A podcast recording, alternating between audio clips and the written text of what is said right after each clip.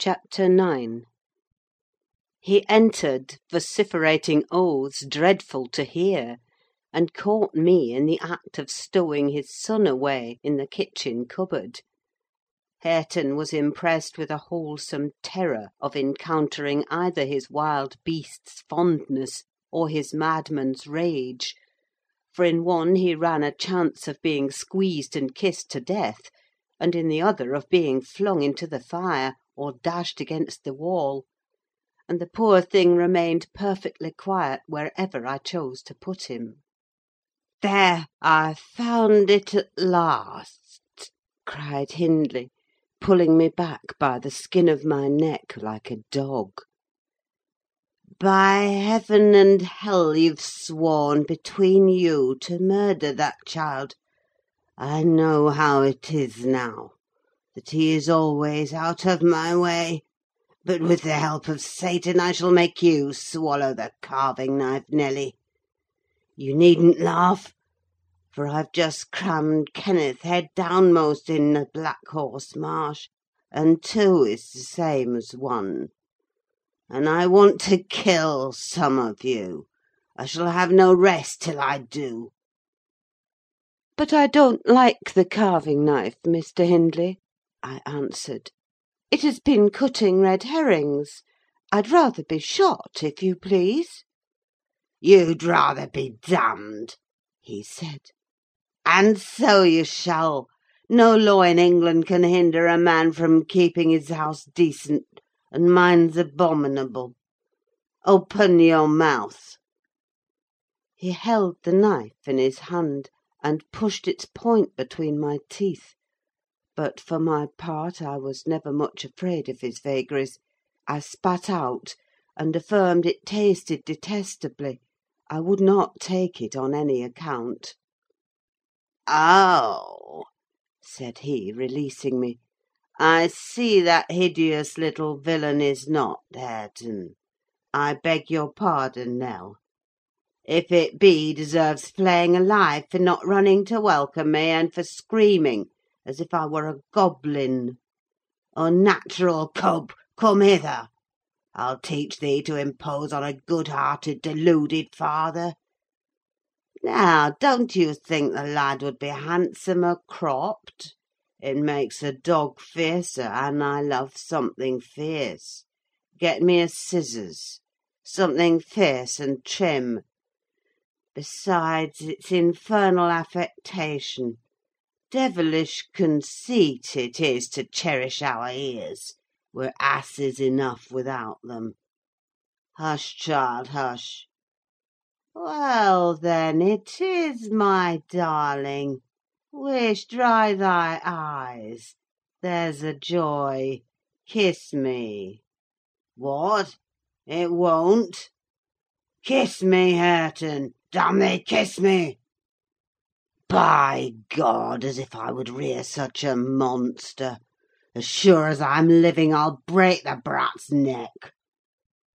Poor Hareton was squalling and kicking in his father's arms with all his might, and redoubled his yells when he carried him upstairs and lifted him over the banister. I cried out that he would frighten the child into fits, and ran to rescue him. As I reached them, Hindley leant forward on the rails to listen to a noise below, almost forgetting what he had in his hands. "Who is that?" he asked, hearing some one approaching the stairs foot. I leant forward also, for the purpose of signing to Heathcliff, whose step I recognised, not to come further; and at the instant when my eye quitted Hareton, he gave a sudden spring, delivered himself from the careless grasp that held him, and fell. There was scarcely time to experience a thrill of horror before we saw that the little wretch was safe. Heathcliff arrived underneath just at the critical moment: by a natural impulse he arrested his descent, and, setting him on his feet, looked up to discover the author of the accident. A miser who has parted with a lucky lottery ticket for five shillings, and finds next day he has lost in the bargain five thousand pounds, could not show a blanker countenance than he did on beholding the figure of Mr. Earnshaw above. It expressed, plainer than words could do, the intensest anguish at having made himself the instrument of thwarting his own revenge. Had it been dark, I dare say he would have tried to remedy the mistake by smashing Hareton's skull on the steps. But we witnessed his salvation, and I was presently below with my precious charge pressed to my heart. Hindley descended more leisurely, sobered and abashed. "It is your fault, Ellen," he said. "You should have kept him out of sight. You should have taken him from me. Is he injured anywhere?" "Injured!" I cried angrily. "If he is not killed, he'll be an idiot. Oh, I wonder his mother does not rise from her grave to see how you use him! You're worse than a heathen, treating your own flesh and blood in that manner!" He attempted to touch the child, who, on finding himself with me, sobbed off his terror directly. At the first finger his father laid on him, however, he shrieked again, louder than before, and struggled as if he would go into convulsions. "You shall not meddle with him!" I continued. "He hates you: they all hate you, that's the truth. A happy family you have, and a pretty state you've come to!" "I shall come to a prettier yet, Nelly," laughed the misguided man, recovering his hardness. "At present, convey yourself and him away. And hark you, Heathcliff, clear you too, quite from my reach and hearing. I wouldn't murder you to night, unless perhaps I set the house on fire but that's as my fancy goes." While saying this, he took a pint bottle of brandy from the dresser and poured some into a tumbler. "Nay, don't!" I entreated. "Mr. Hindley, do take warning. Have mercy on this unfortunate boy, if you care nothing for yourself." "Any one will do better for him than I shall," he answered. "Have mercy on your own soul!" I said, endeavouring to snatch the glass from his hand. "Not I! On the contrary, I shall have great pleasure in sending it to perdition to punish its maker!" exclaimed the blasphemer. "Here's to its hearty damnation!" He drank the spirits, and impatiently bade us go, terminating his command with a sequel of horrid imprecations too bad to repeat or remember. "It's a pity he cannot kill himself with drink," observed Heathcliff, muttering an echo of curses back when the door was shut. "He's doing his very utmost, but his constitution defies him. Mr. Kenneth says he would wager his mare that he'll outlive any man on this side Gimmerton, and go to the grave a hoary sinner, unless some happy chance out of the common course befall him. I went into the kitchen, and sat down to lull my little lamb to sleep. Heathcliff, as I thought, walked through to the barn. It turned out afterwards that he only got as far as the other side the settle, when he flung himself on a bench by the wall, removed from the fire, and remained silent. I was rocking Hareton on my knee, and humming a song that began: It was far in the night, and the bairnies' grot, The mither beneath the mools heard that; when Miss Cathy, who had listened to the hubbub from her room, put her head in, and whispered, "Are you alone, Nelly?" "Yes, miss," I replied. She entered and approached the hearth. I, supposing she was going to say something, looked up. The expression of her face seemed disturbed and anxious: her lips were half asunder, as if she meant to speak, and she drew a breath, but it escaped in a sigh, instead of a sentence. I resumed my song, not having forgotten her recent behaviour. "Where's Heathcliff?" She said, interrupting me. "About his work in the stable," was my answer. He did not contradict me: perhaps he had fallen into a doze. There followed another long pause, during which I perceived a drop or two trickle from Catherine's cheek to the flags. Is she sorry for her shameful conduct? I asked myself. That will be a novelty: but she may come to the point. As she will, I shan't help her. No, she felt small trouble regarding any subject save her own concerns. "Oh, dear!" she cried at last, "I'm very unhappy!" "A pity," observed I. "You're hard to please. So many friends, and so few cares, and can't make yourself content." "Nelly, will you keep a secret for me?" she pursued, kneeling down by me, and lifting her winsome eyes to my face, with that sort of look which turns off bad temper, even when one has all the right in the world to indulge it. "Is it worth keeping?" I inquired, less sulkily. "Yes; and it worries me, and I must let it out. I want to know what I should do. To day, Edgar Linton has asked me to marry him, and I've given him an answer.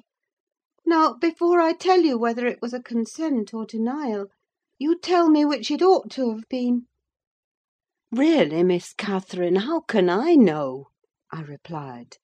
"To be sure, considering the exhibition you performed in his presence this afternoon, I might say it would be wise to refuse him: since he asked you after that, he must either be hopelessly stupid or a venturesome fool."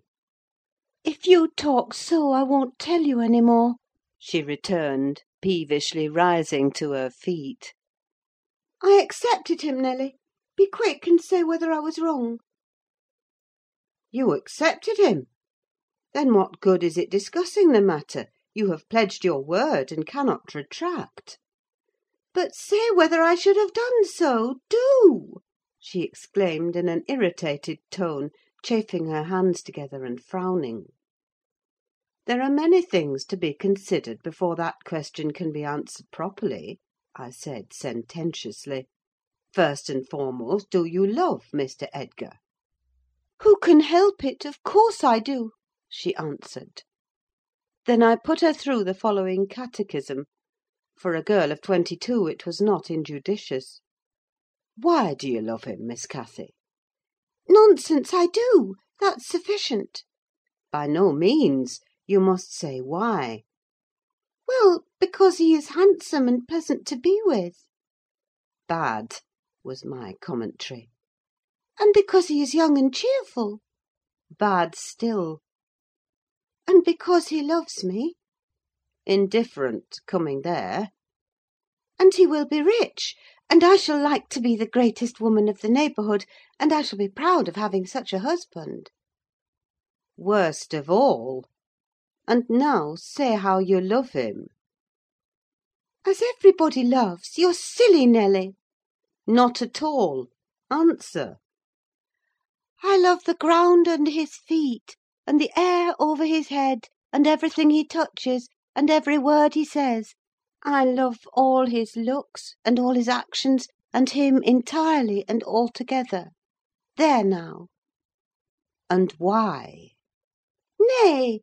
You're making a jest of it. It is exceedingly ill natured. It's no jest to me," said the young lady, scowling, and turning her face to the fire. "I'm very far from jesting, Miss Catherine," I replied. "You love Mr. Edgar because he is handsome, and young, and cheerful, and rich, and loves you. The last, however, goes for nothing. You would love him without that, probably and with it you wouldn't unless he possessed the four former attractions." "No, to be sure not. I should only pity him: hate him, perhaps, if he were ugly and a clown." "But there are several other handsome, rich young men in the world: handsomer, possibly, and richer than he is. What should hinder you from loving them?" "If there be any, they are out of my way. I've seen none like Edgar." You may see some, and he won't always be handsome and young, and may not always be rich." "He is now, and I have only to do with the present. I wish you would speak rationally." Well, that settles it: if you have only to do with the present, marry Mr. Linton." "I don't want your permission for that. I shall marry him; and yet you have not told me whether I'm right." "Perfectly right, if people be right to marry only for the present. And now let us hear what you are unhappy about. Your brother will be pleased: the old lady and gentleman will not object, I think. You will escape from a disorderly, comfortless home into a wealthy, respectable one; and you love Edgar, and Edgar loves you. All seems smooth and easy: where is the obstacle?" "Here, and here," replied Catherine, striking one hand on her forehead, and the other on her breast. "In whichever place the soul lives. In my soul and in my heart I'm convinced I'm wrong." "That's very strange: I cannot make it out." "It's my secret; but if you will not mock at me, I'll explain it. I can't do it distinctly, but I'll give you a feeling of how I feel." She seated herself by me again: her countenance grew sadder and graver, and her clasped hands trembled.